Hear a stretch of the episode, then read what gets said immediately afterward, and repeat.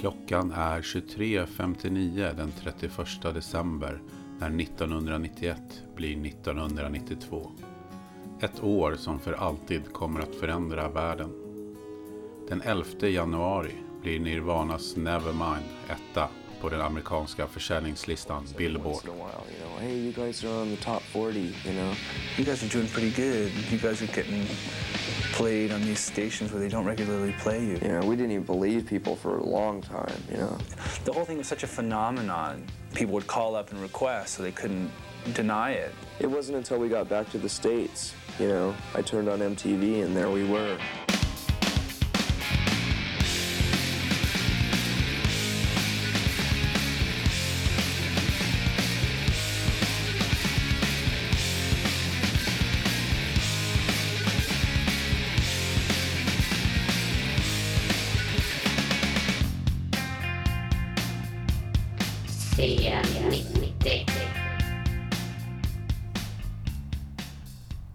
C90-podden är äntligen tillbaka. På tiden. Det blev ett litet sommarlov ändå. Äh, Man måste ju ha sommarlov, annars överlever man inte. Hur, hur känns det för dig Niklas, du som är mellanstadielärare? Längtar du tillbaka nu till, till skolan? Djup ångest. Right. Åtta veckor försvinner snabbt liksom. Det måste ju... Kommer ihåg när man var liten, då kändes ju ett sommarlov som en evighet. Ja, men oh ja. Och, och, och år kändes som en evighet. Jag vet, jag har någon sån här uppfattning om något år, att jag liksom greppade inte att det blev nytt år. Jag tror för samma år hade varit hur länge som helst. men, eh, eh, jo, nej men visst är det så. Det, det är ju det är så här liksom klyschigt, men eh, tiden går ju faktiskt fortare ju äldre man blir. Det är men- jättekonstigt. Ja, för att alltså skolavslutningen, kommer ihåg om någon sa någonting så här, ja men i höst kommer det där hända något. Då tänkte man så här, det där är ju ingen idé att ens tänka Nej, nej. på, för det är ju så långt Ja, borta. exakt. Nu så, ding. Nu går det så. Det är, ja, det är hemskt alltså. Tiden bara försvinner. Jaha. Ja, nej, men vi ska, väl, vi ska väl åka tillbaka i tiden. Ja, det ska vi ju definitivt. Egentligen borde vi ju ja, kanske ha åkt, om man ska nu hålla på med att det ska vara så här 25-30. Ja, Men det är inte, vad spelar det för roll nej egentligen? skit vilket. Så skulle man ha gjort det förra året. Ja, exakt. Den här eh, tillbaka i eh, tiden-resan. Mm. Eh, För vi kommer ju att eh, tillägna det här avsnittet och kanske även en del två. Vi får se hur länge vi pratar om vi, om vi får dela upp det Exakt. till eh, ett år som är 1992. Ja, Och vad, vad är, är det något speciellt med 1992 tycker du? Nej men alltså det, det är ju, vilket vi har mm, två pratat om här innan, det, det är väl, det är ju grungen i sitt esse eh, då. Eh, det händer mycket och det, det är en konstig tid för musik. Man kan väl säga så här att den 11 januari händer det någonting som är väldigt signifikativt Mm. för enormt mycket och hela musikbranschens framtid kan man säga. Mm. Då är alltså Nirvana upp på Billboards första plats Mm. för albumet Nevermind. Eh, och eh, ja, hur, skulle du, vad, hur skulle du beskriva den plattan?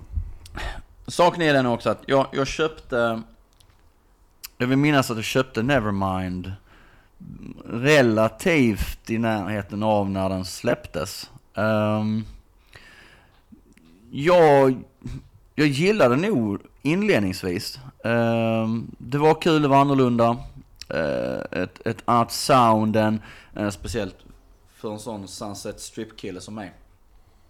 Så, så var det ju betydligt punkigare kanske i sin, sin approach till det hela. Men eh, jag har så här svagt minne, vilket jag kommer att tänka på tidigare idag, att jag har ett svagt minne av att jag var på Madison, liksom ett, då får man kalla det liksom som ett gymnasiedisco i Båstad. Man åkte alltid dit, och det hette Slappemåndag, man åkte dit på måndagar så här på sommaren.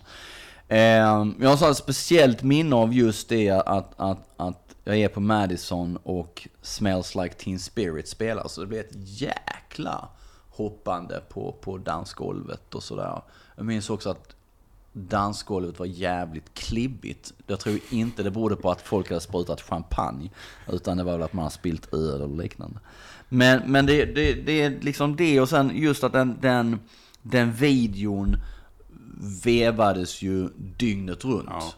Eh, Då var det ändå att man följde lite MTV, eh, man hade brittiska Super Channel som, som också spelade videos och sådär. Och den här gick ju i ett. Och Det var en sån tid när MTV stod ju ofta på. ja, ja, Vart man än var. exakt. Det bara var ju som en radio, att det Ja. bara spelades i Även bakgrunden. på jobb och sådana ställen liksom. Absolut. Och- Men, eh, ja nej. Videon var ju definitivt, jag hade inte hört talas om Nirvana innan. Utan videon Nej, var ju, nej. eh, De hade ju ändå släppt en platta. De har sett den här Bleach innan, men det är också till denna dag är det en platta som jag inte har köpt eller direkt lyssnat på som så. Nej. Eh, och, och ärligt talat kan jag säga att eh, det var ju väldigt, väldigt många år sedan jag lyssnade på Nevermind. Mm.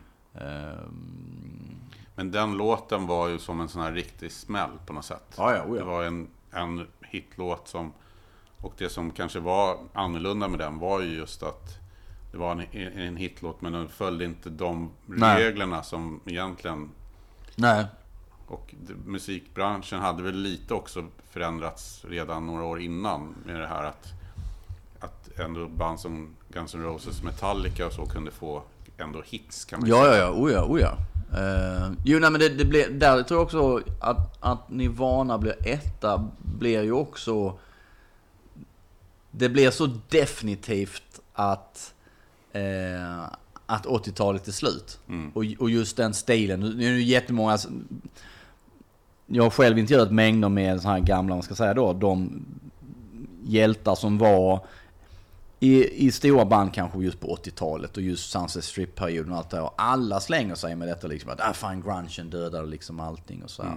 Medan andra menade att, att eh, oavsett om den vågen av musik från främst då kanske Seattle, om den hade kommit eller inte så hade liksom ändå hela 80-talsstilen med, med håret och sminket och allt det där spelat ut sin roll. Ehm, Vi- vilket man ser också då att man tittar tillbaka så var det ju, menar, när man tittar på 89, 90 plattor som kommer där så var det också att mm, stort sett alla de stora majorbolagen signade massor med sån här melodiös hårdrock, framförallt i USA.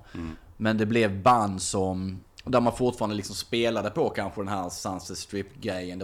Men det var inte liksom, vi pratar ju inte Guns N' Roses eller Mötley Crüe-stil, utan de var mer melodiösa. Steelheart är ett sånt band. Eh, och de släpper sin andra platta 92. Eh, för mig. Och, ehm, och där min- minns jag också, jag spenderade ju en, en dag med um, sångaren i Steelheart för något, för något, förra året var det väl.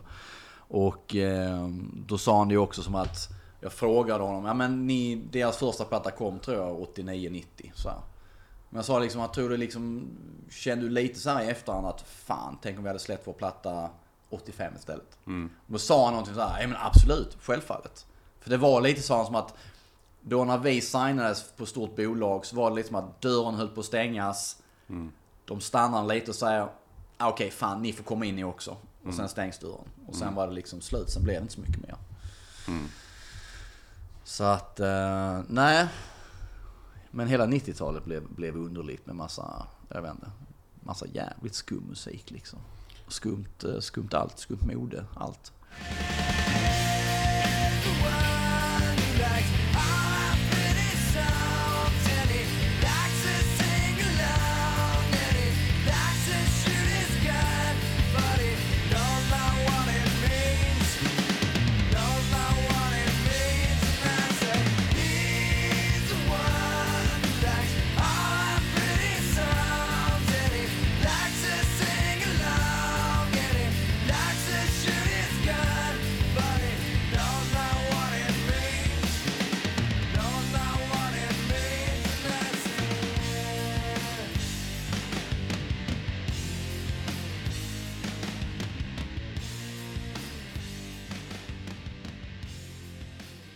Såg ju Nirvana i Roskilde den sommaren, Du gjorde ju fan det. Shit, du har ju sett alla de där coola grejerna. 92. Jag förstår fortfarande vad fan jag sysslade med.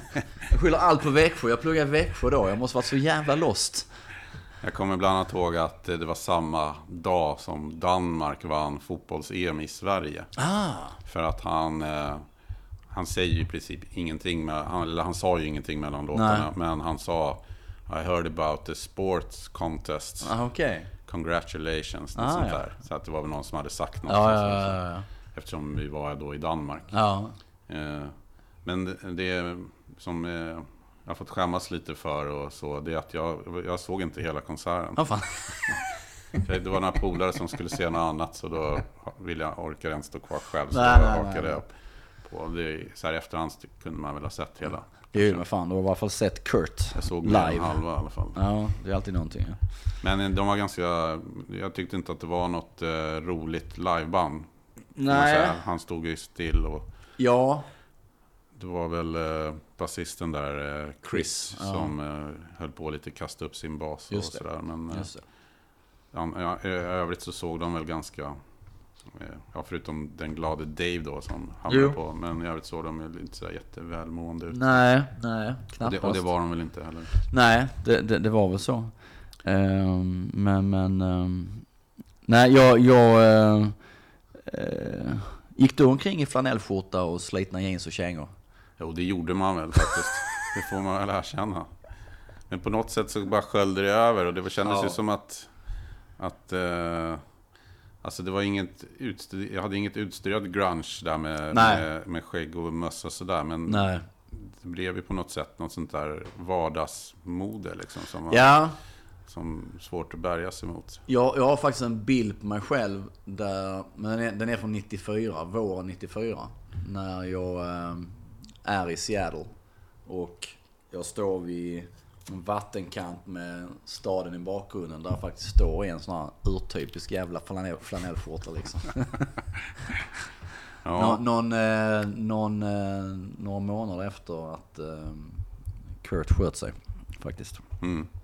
Men, eh, nej, nej men jag, jag, jag eh, eh, pratade med en, en, en av mina äldsta barndomspolare också, en stor musikfantast.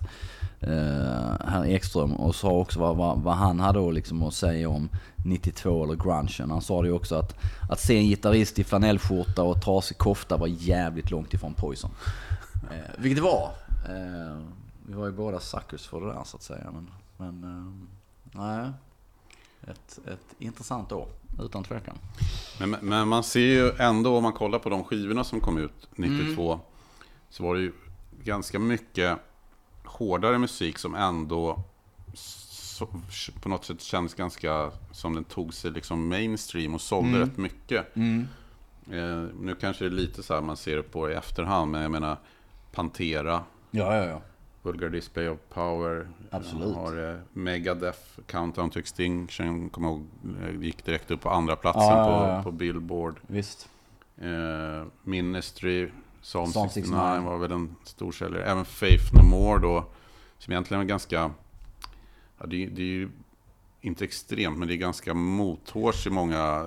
många Ja men de var ju ett jävla udda band alltså. Det var Ja. fantastiskt. Jag älskar Faith No More. Eh, Men det var en sån jäkla mix av alla möjliga stilar liksom. Ja. I ett och samma band. Och Angel Dust då blev ju eh, liksom en miljonsäljare. Den här Ja. Midlife Crisis spelas ju enormt mycket på. Absolut,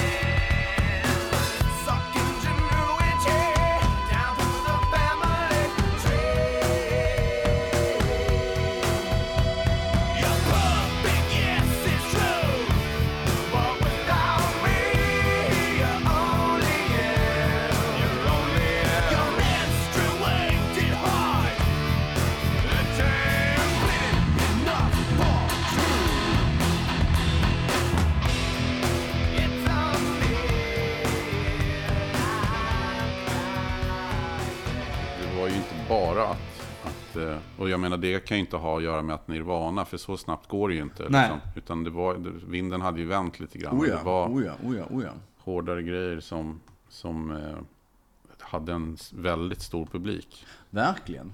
Men, men det tänker man ju också på, just som, som jag sa innan, det här med den hårdrocken som var på 80-talet och som oftast är, blir jävligt bespottad.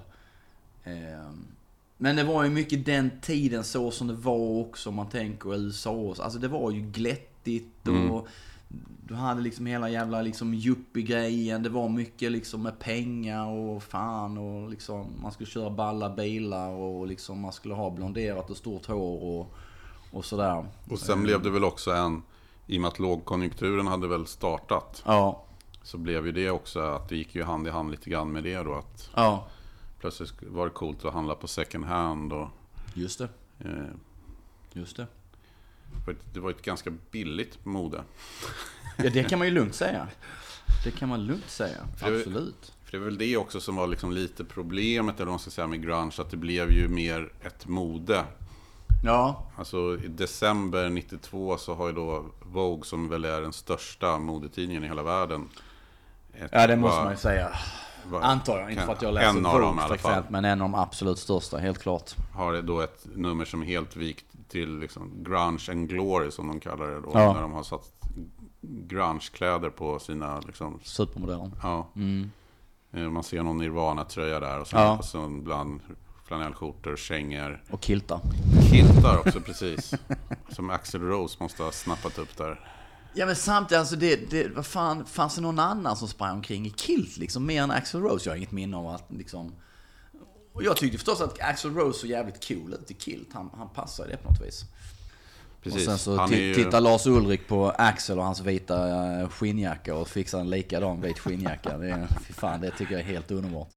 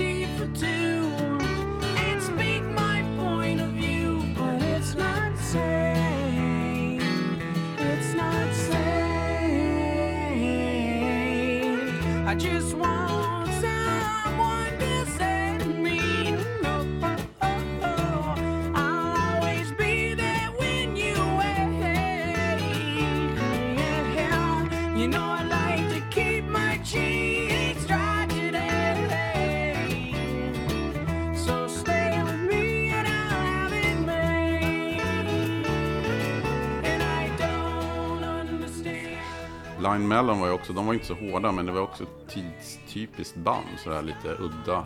Ja, Ser ut som alla kommer direkt från konstfack. ja lite så ja. Eh, Och eh, ja, enorm hit med No Rain. just det. Med den här tjejen som springer omkring i Ja, de Jävla- påminner ju de, humleutstyrsel. eh, lite samma som Janes Addiction. Den, Ja. den eh, eran. Ja. Eh, hippie. Lite hippie. Ja, men det är liksom lite så här liksom eh, Lollapalooza-stuk. Det är väl lite mer bohemiskt på något vis. Jag vet inte. Ja, Eh, men eh, Blind Melon var ju, alltså det var ju bra. Den vevades ju som fasen också, den, den låten. ja det Det var gick väl också. undvika. Det var väl också en sån. Men man, jag tänkte på det. Eh, en av de populäraste filmerna det året var ju Wayne's World. Love it. Såg du den på bio?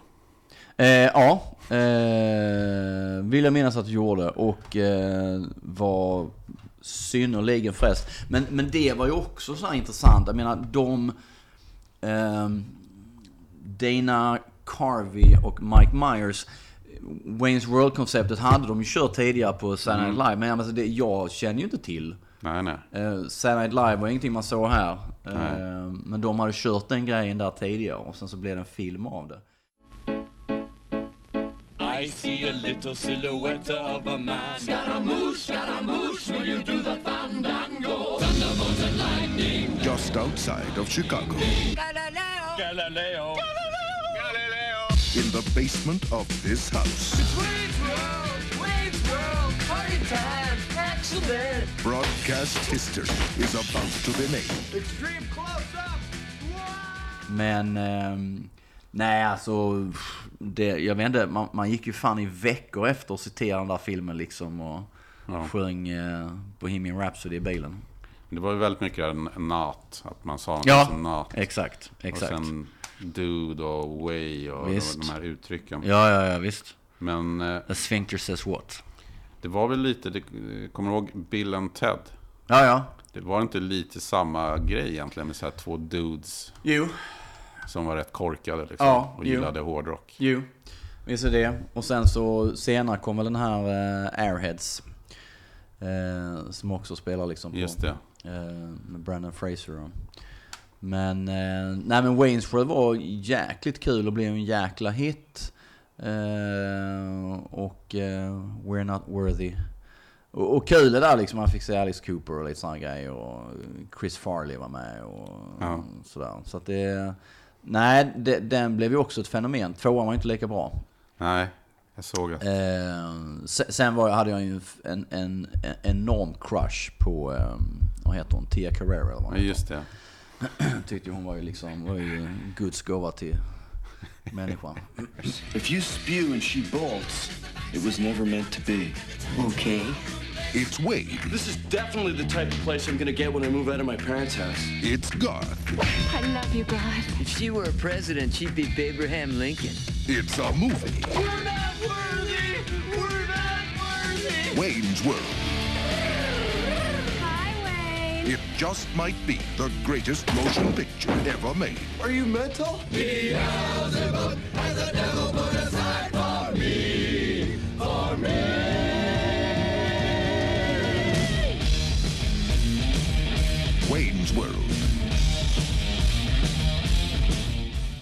Nej men Waste World var, det var en sån här magnifik bioupplevelse. Eh, verkligen. Eh, det, det var nog fan det roligaste man såg det året.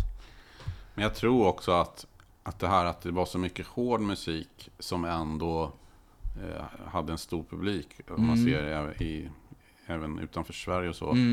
I USA framförallt. Så då, då tror jag mycket att det var Metallica, s- svarta albumet där. För den kom väl mitten av 91 eller något sånt där. Ja exakt. Så den hade ju då skivbolagen hakade på och gav band liksom som kanske inte tidigare hade fått chansen. Rätt stora budgetar och sådär. Säkert. I och med att de, där blev de ju, för de blev ju ett riktigt jävla MTV-band om man får säga så. Mm. Då helt plötsligt började deras videos vevas ständigt. Så det är klart. Eh, det var väl många som, som sniffade på det och tänkte att nu jävlar. Och man- vi. Man ser också att eh, om man tittar på de här då gamla trotjänarna, de här som överlevde. Mm. Eh, Iron Maiden till exempel kom med Fear of the Dark Mm. där, 92. Mm. Och eh, ja, de, de, de lyck, det var väl ändå ett, ett okej album, tycker jag. Skitfult omslag. Ja, där Alltså för att Eddie- vara ett Maiden-omslag så är det ju så här riktigt tråkigt tycker jag. Mm, Eddie liksom på något sätt en del av ett träd. träd. Ja. Ja. det är väl inte så många låtar där. Be quick or be dead, From here to eternity, afraid to shoot strangers. Det är väl några då, förutom titelspåret ja. såklart, Fear of the Dark, som de kanske har kört lite live så. Men där gick det väl, var det ju, gick, var det ju på väg ut för. Ja. Eh, Kiss släppte ju Revenge där i den, Mm. i den vevan med. Också ett jävligt tråkigt. Enormt. Vad är det för något? Är det något case eller? Nej, jag tror mer det ska förstå att det är liksom flygplansplåt. Okej. Har jag alltid tolkat som. Det är några kulhål där ju. Liksom. Det ser ut precis som sådana här hopnitade flygplans. Man tänker sig sidan på ett flygplan och sånt. Jag vet fan, det finns säkert någon annan ball att vända. Och så är det bara loggan och eh, någon slags sprayat. Otroligt fantasilöst. Jag är också lite sista sucken. Men jag tittar på de klädde sig också. De, Där går de också liksom över då. Det är bara läder rakt av. Gene Simmons skaffar något jävla getskägg och... Bara svart. Ja, bara svart. svart. Eh, Vad hände liksom med Paul Stanleys outfit från Who Wants To Be Lonely-videon? Ja exakt, vad fan den var ju ballar om något ju. Vad hände med de neongröna Ja, visst. Helt vantarna? vansinnigt. Nej men där, där, jag vet inte, där försökte de ju... Det är väl klart, de, de eh, förstod väl vad som var på gång och att man, man kan ju liksom inte spela in någon jävla Crazy Nights-grej liksom. Nej, det är skittuffa killar.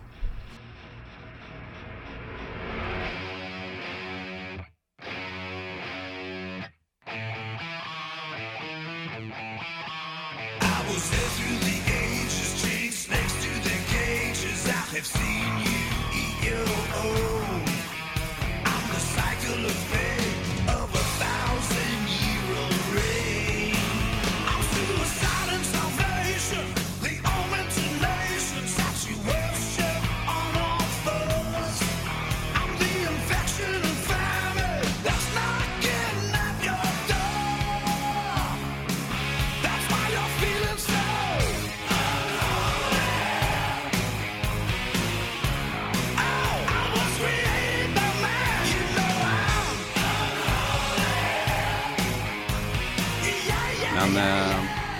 jag vet att många Kiss-fans gillar den här plattan. Jo men jag, jag, jag, jag köpte nu den ganska direkt när den kom. Jag menar jag är en gigantisk Kiss-fan.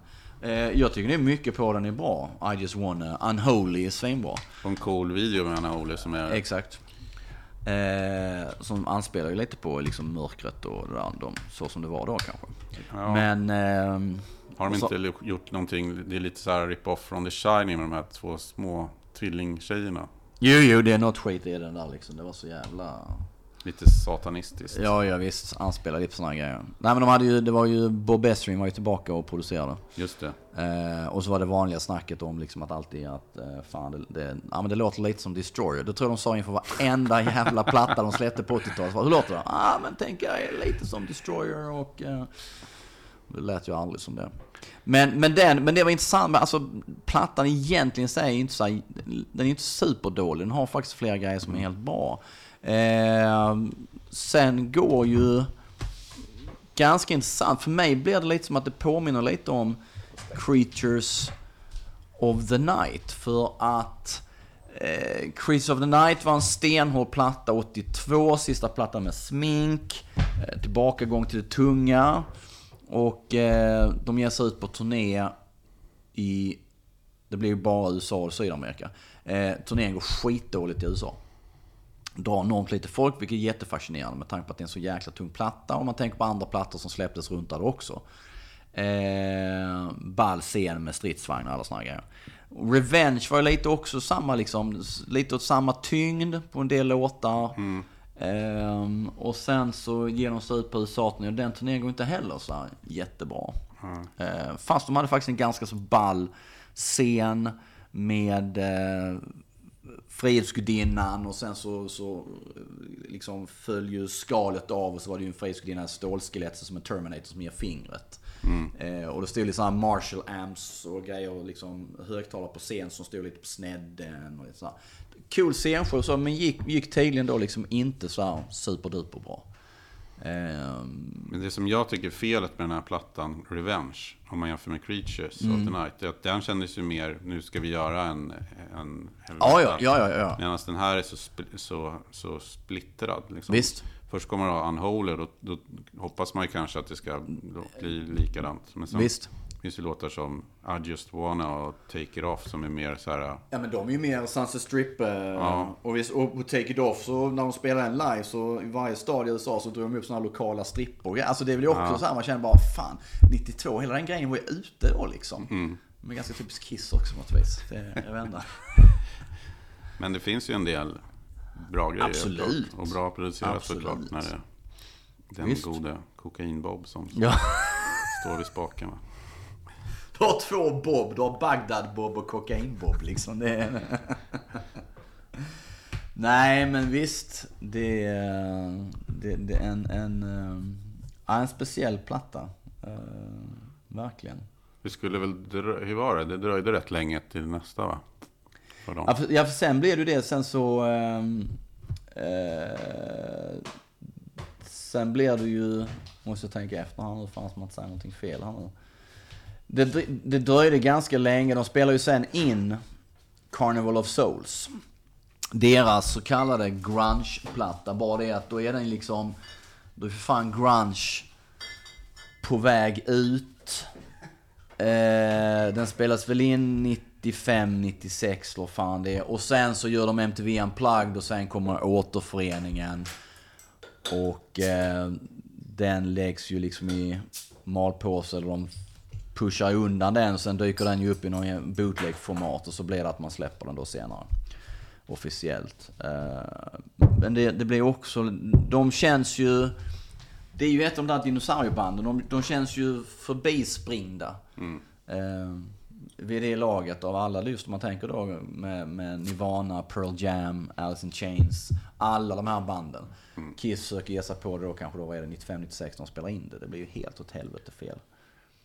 Ja. Så att... ehm, Men det är väl typiskt Kiss att även fast här var de ruskigt sena på det. Liksom. Ja, jo. Ja men alltså det är snack om ett band som är kappvändare. Ja. För fan alltså. Det Men tidigare har de ju ändå på något sätt hunnit med. De hann med disco lite grann. Ja, ja, oh ja. Och de, de hann med heavy metal med Ja, ja. Creatures. Visst, absolut. Men grunge, där var de för sega. Ja, ja, ja. ja. Det kanske ja. var lika bra det. Ja, fy fan. Det var nog jävla tur alltså.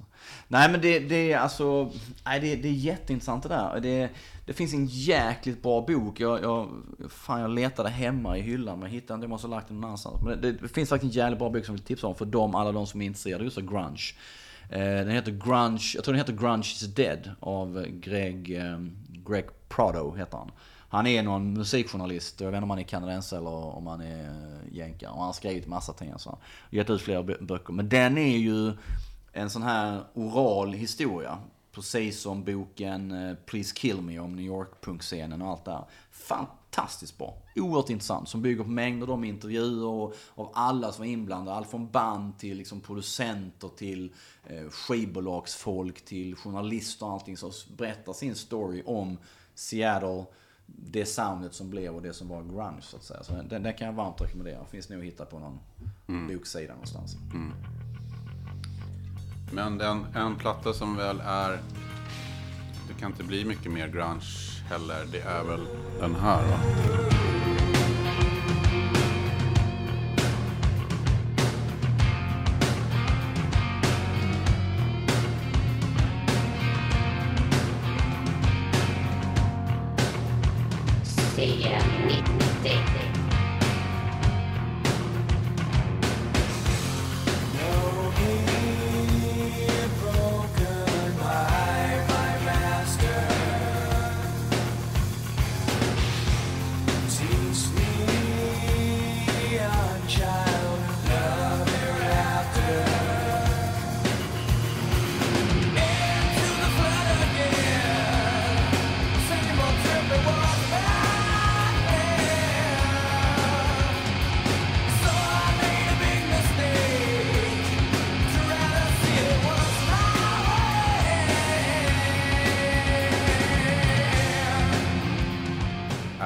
Chains, Dirt.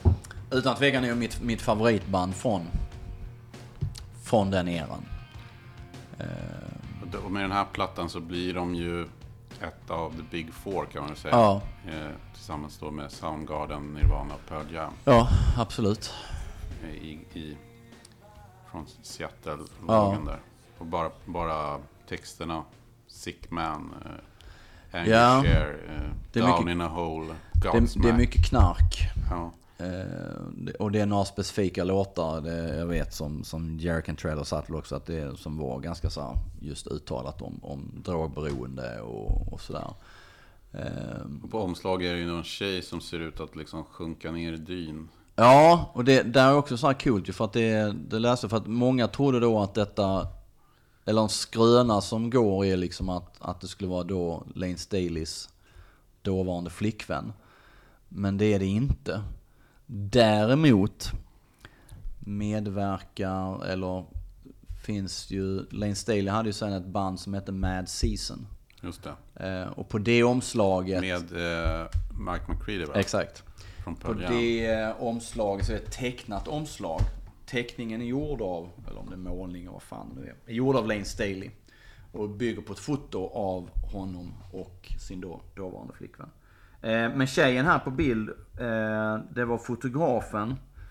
För tjejen på bilden använde han samma år tror jag. På en singel med Spinal Tap. Som heter Bitch School. För Spinal Tap släppte också en platta 92 som heter Break Like the Wind. Som jag tycker är en helt jävla genialisk titel. eh, så därav det. Och, och sen var det att hela den fotosession där hon ligger det här, den, den tog åtta timmar eller vad. Hon hade någon peruk på sig och när hon reste sig upp sen för att gå på bad, till, till badrummet efter denna långa session. Så satt peruken kvar, den låg- kvar i det här. som skulle föreställa jord eller vad fan det var. Och då tog han fotografen några bilder på det också. Eh, och de bilderna hamnade sen på... Eh, eh när Alice in Chains som släppte en box som heter Music Bank som såg som lite kassaskåp. Eh, och på de skivorna som är där är så är någon av de bilderna där, där det bara är liksom själva, man ser formen efter hennes kropp och sådana hår. Lite kul faktiskt. Det är jäkligt roligt för att på, i början på 90-talet, nu så tänker man ju att allt är gjort i Photoshop. Ja, ja. Omslagen, och det är det ju. Men i början på 90-talet var det ju mycket hantverk och så. Ja, ja, var en annan, jag vet inte när Photoshop började användas. Jag frågar inte jag har inte jag tror så. inte att det var, väl, att det var eh, jättevanligt. Nej. 92.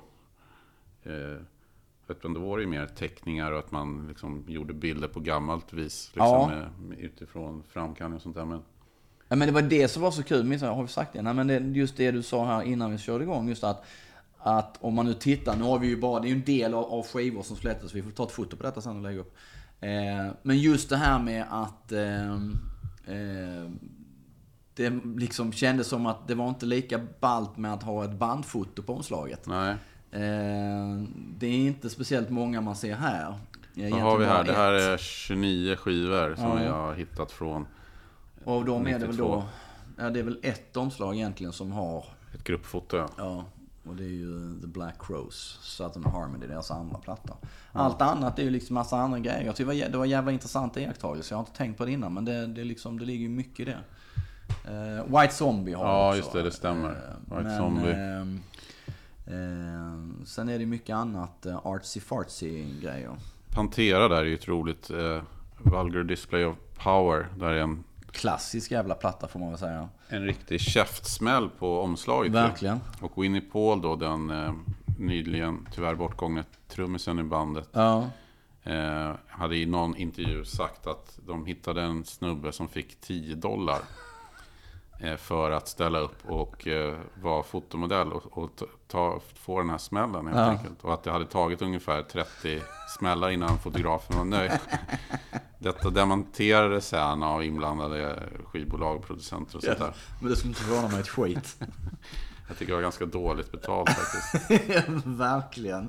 Men det, sam- det låter som någonting, det, det passar jävligt bra in med Pantera också man vet liksom. Med deras stil och strippklubbar och allting sånt här. Ja, Så det, jag har faktiskt, faktiskt intervjuat tre fjärdedelar av Pantera.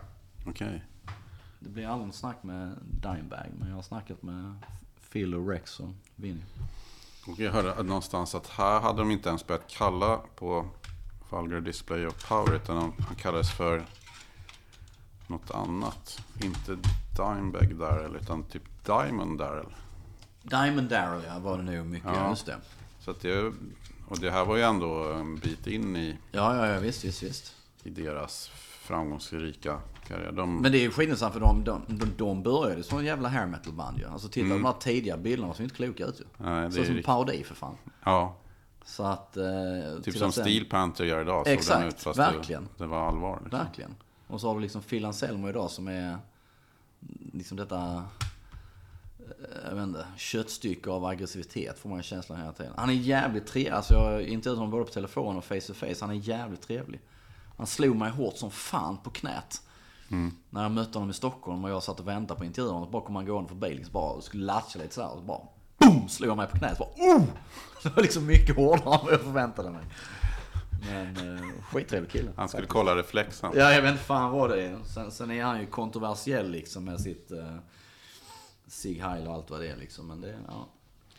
Men jag, hörde också någonstans att de eh, var så besvikna på Metallicas The Black Album. Okej, ja men så det när kan de, så när de, eh, för de tyckte att de hade liksom gett, Sålt sig. ja, gett upp allt vad de hade stått för. Ja. Liksom, och thrashen var helt borta. Ja. Så då ville de göra någonting liksom extra. Okej. Spat!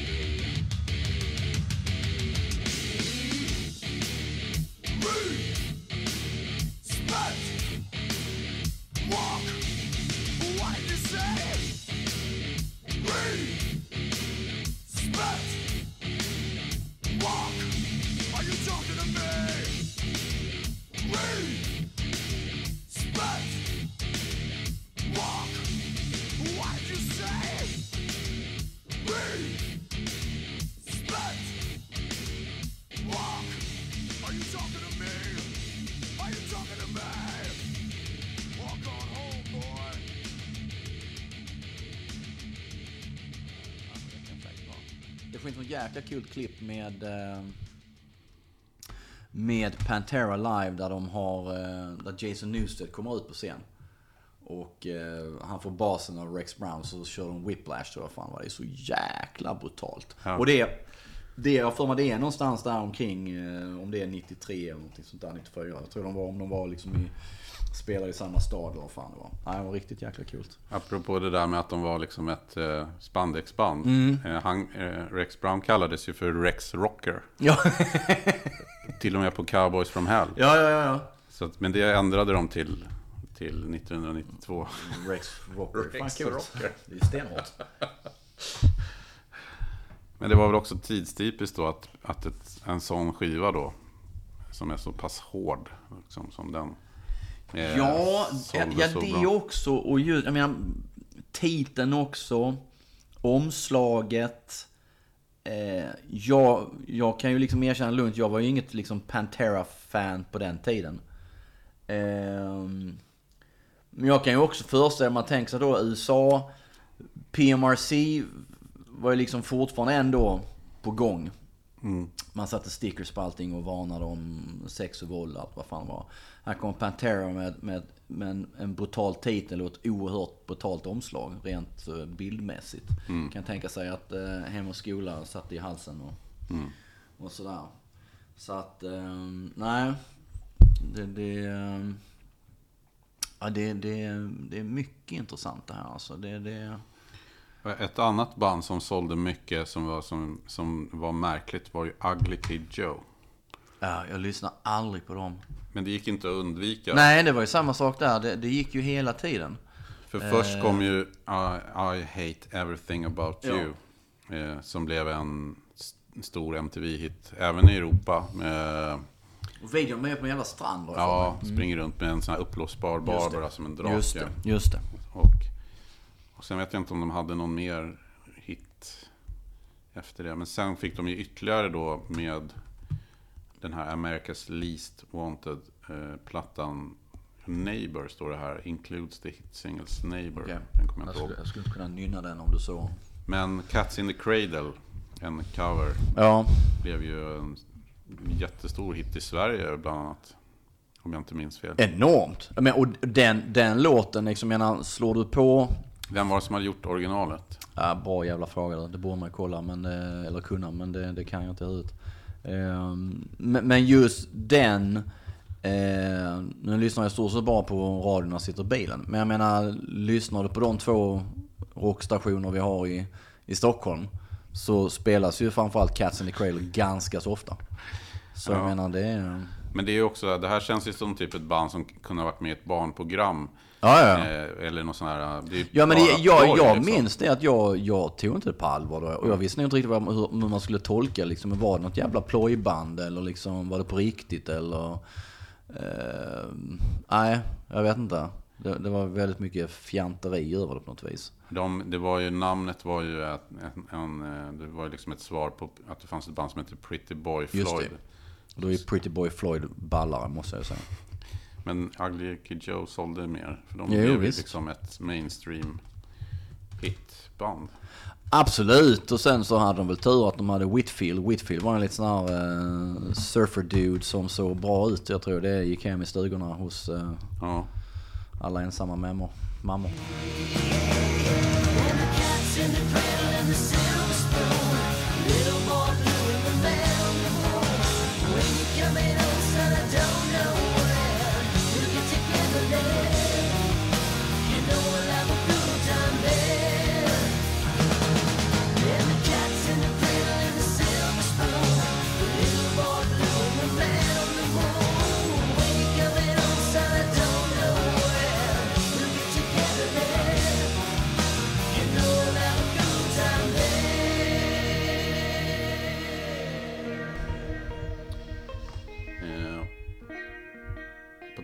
Skivomslag.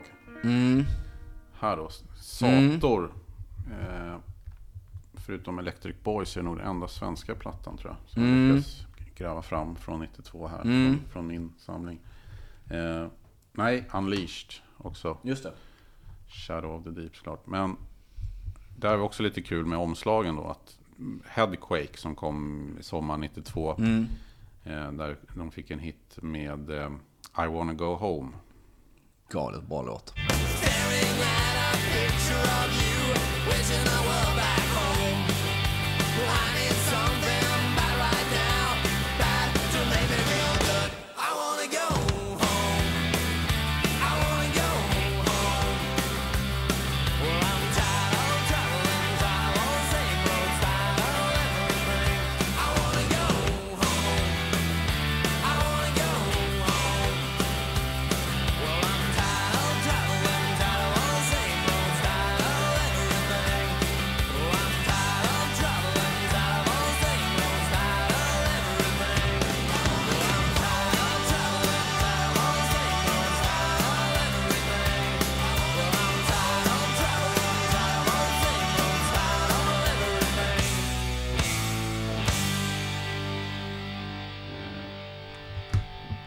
Där är ju då massa motorcyklar på omslaget. Och idag hade ju det varit liksom gjort på fem minuter copy-paste, Ja, ja. Photoshop och så förvränga lite. Då var ju, så det här är ju liksom små motorcykel, sådana här modeller.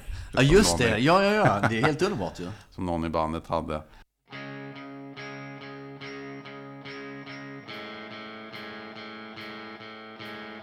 CL90.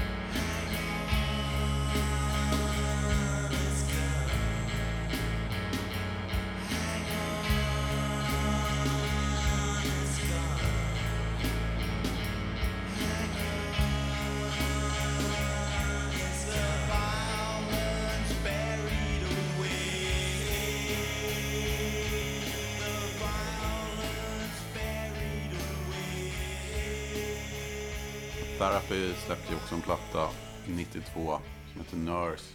Ja. Eh, Det blev väl inte det stora eh, kommersiella genombrottet för det kom...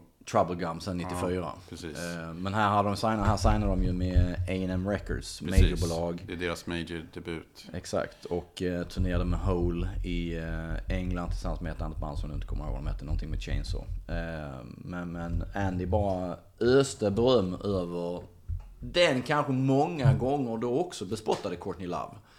Som kanske också är, man tänker rent offentligt och gjort sig till åtlöje många gånger. Och, eh, hon blev mycket, fick väl sitt kändisskap mycket för att hon var gift med Kurt Cobain och, Mm. och sådär. Eh, Det har väl gått alla möjliga rykten om också att den plattan sen som kom 94, Live Through This, som jag tycker är helt makalöst bra. Att eh, Kurt Cobain hade varit med och skrivit Mm. flera av låtarna och sådär. Eh, Men eh, nej, Andy i Therapy var alldeles lyrisk över Hole. Och speciellt Courtney Love för att hon var en sån oerhört stark kvinna eh, redan då. Som man sa det då, inte till skit från någon. Men var skitschyssta mot Therapy och allt sånt här. Så att det var, eh, ja, han, han, han var nöjd.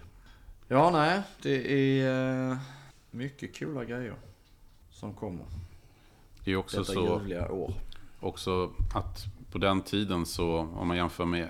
eh, Ett sånt här år kommer ju aldrig komma tillbaka. Nej. Eftersom det var så... Liksom fortfarande fanns en så stor marknad för att sälja skivor. Det skulle det ju finnas i många år till. Absolut. Eh, Men det var också det att CD-skivan hade ju verkligen liksom blivit det folk köpte. Eh, Mm. Och att många köpte liksom, ja nu var det, jag tror att det såldes, måste ha varit enormt få LP-skivor som såldes 1992. Det var, fanns knappt kvar. Det är ju det, för det, det var inte så länge sedan jag liksom fick reda på det att exempelvis, för 92 kommer Def Leppards Adrenalize. Eh, och eh, ska du köpa den idag på vinyl så kan du få pröjsa 250-300 spänn för den. Likadant med eh, Warrens eh, Cherry Pie som väl kom något år tidigare så. Eh, är också en sån platta för de hamnar på vis någonstans där, där, där CDn börjar ta över. Folk går ut och köper CD istället. Så att, att, och vinyl har ju blivit så jävla hypat idag så att nu har ju priserna stigit något enormt. Bara för att alla jävla hipsters på Söder ska köpa vinyl. Men, ehm, men, men lite intressant det där att det, det, det är liksom något sånt här break-år där omkring liksom också. Att helt plötsligt så folk skiter i vinylen och så köper man CD istället. För det var ju fan mycket behändigare.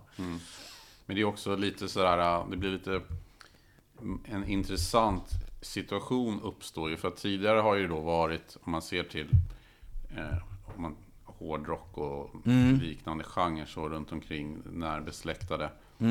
Att eh, de, det är ju väldigt mycket band som kommer som känns kanske lite mer indie och underground. Ja. Liksom som Blind Melon och, och Therapy. Och de har ett sånt uttryck som är liksom mer det här, det här äh, glättiga är ju borta. Ja. Men samtidigt ska man ju då göra det till en kommersiell produkt. Ja. Liksom.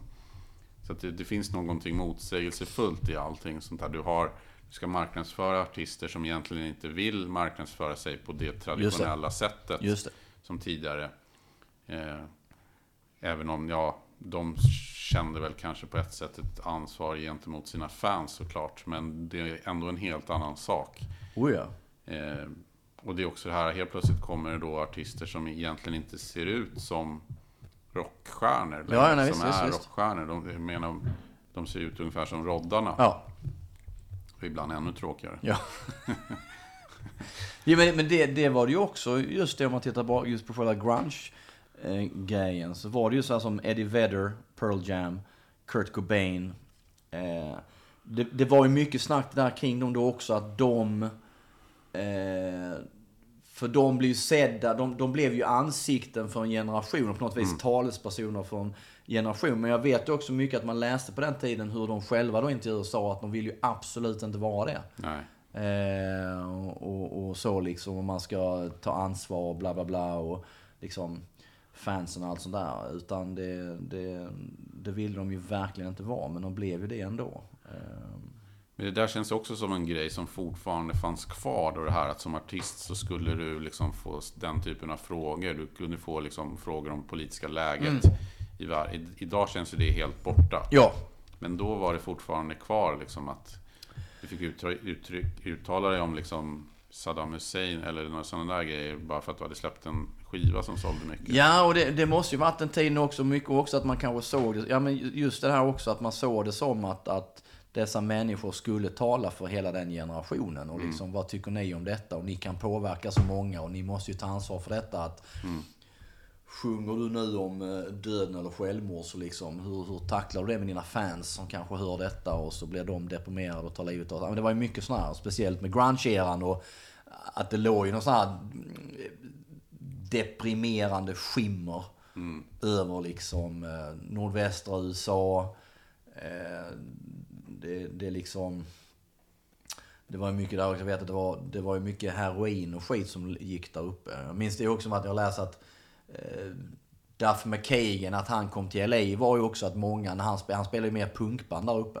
Att många sa sånt liksom att fan det är så mycket skit här nu, fan du måste dra, eh, ta dig härifrån. Eh, han hade väl inte börjat med heroin då, men mångas vänner så liksom. Och att han, han blev den där som alla hade hoppades på. Att han är den som, fan, han kan fixa det och klara sig. Eh, så du måste dra härifrån liksom. Sen blev han ju hooked on skit. Han drack väl mest sen, men eh, just det där också. Så att det, och jag jag minns också att eh, Greg Prado eh, i den boken, Grunge is Dead, pratar mycket om det här med också med att eh, det gick ju en jävla våg av heroingrejer där uppe.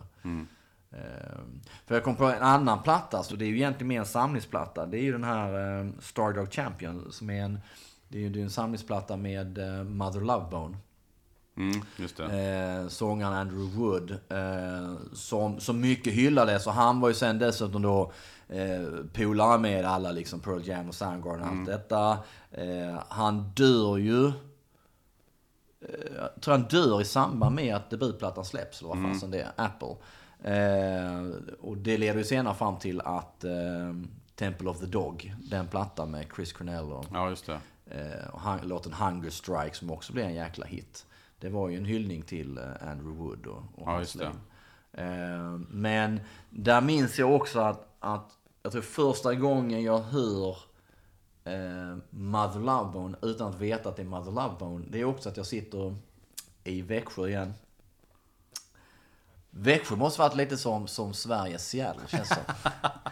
eh, mörkaste Småland. Nej men också att på MTV gick det, och detta kan ju faktiskt ha varit, det kan säkert ha varit senare, 92 kanske. Jag vet inte. Men eh, det gick som en, en, eh, en trailer för, jag tror det var för Headbangers Ball. Crown of Thorns. Så är låten där, Chloe Dancer, Crown of Thorns med om man ser det i väderklättrar i någon jävla, på någon, någon teater och fan det och slänger sig i publiken och massa andra grejer. Och jag gick liksom, jag minns jag gick där veckovis bara, vad fan är det för jävla låt? Den låter ju så jäkla bra. Man fick bara höra en del av den. Och sen senare förstår jag då att det är Mother Love Bone och, och till Hur, denna dag. hur kom du på det då? Att det var den? Jag tror sen att jag... Eh, Det var inte helt lätt. Liksom. Nej, jag tror sen att jag hör låten i något annat samband eller jag ser... Eh, jag vet inte hur det är, men på något vis lyckas jag ju få reda på att det är Mother Love Bone och vad låten heter. Yeah,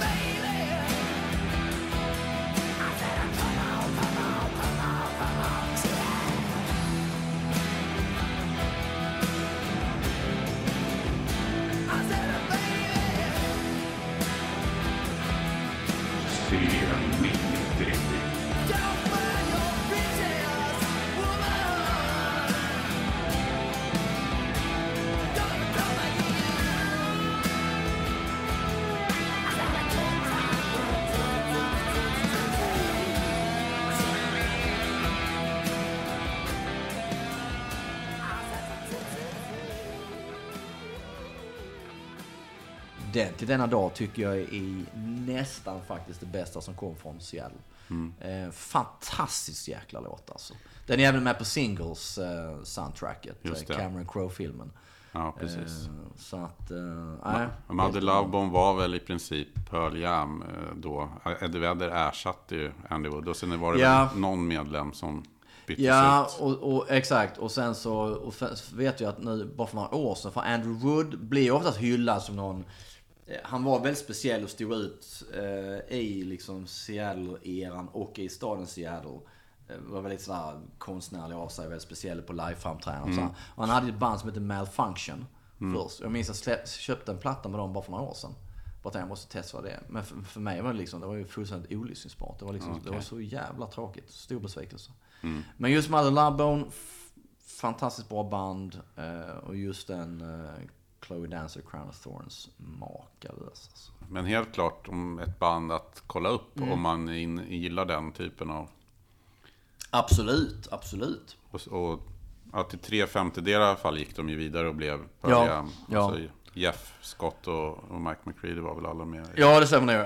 ja. Eh, och, och, och har man nog liksom mot alla odds eh, missat eh, plattan Temple of the Dog så, så eh, bör man ju kolla in den. Den släpptes för övrigt i eh, deluxe-version. Kan ha varit förra året?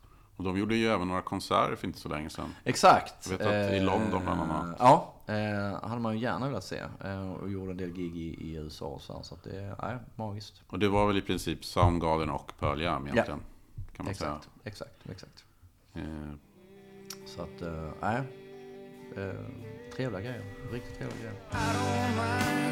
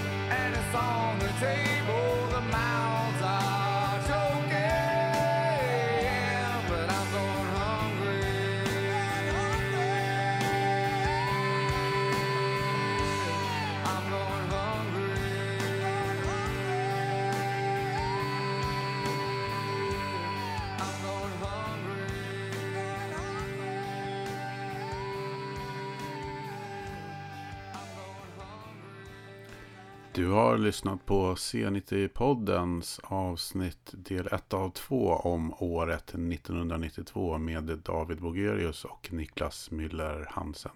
Följ gärna C90-podden på Facebook och Instagram. Vi hörs igen nästa tisdag med del 2. Ha det så bra!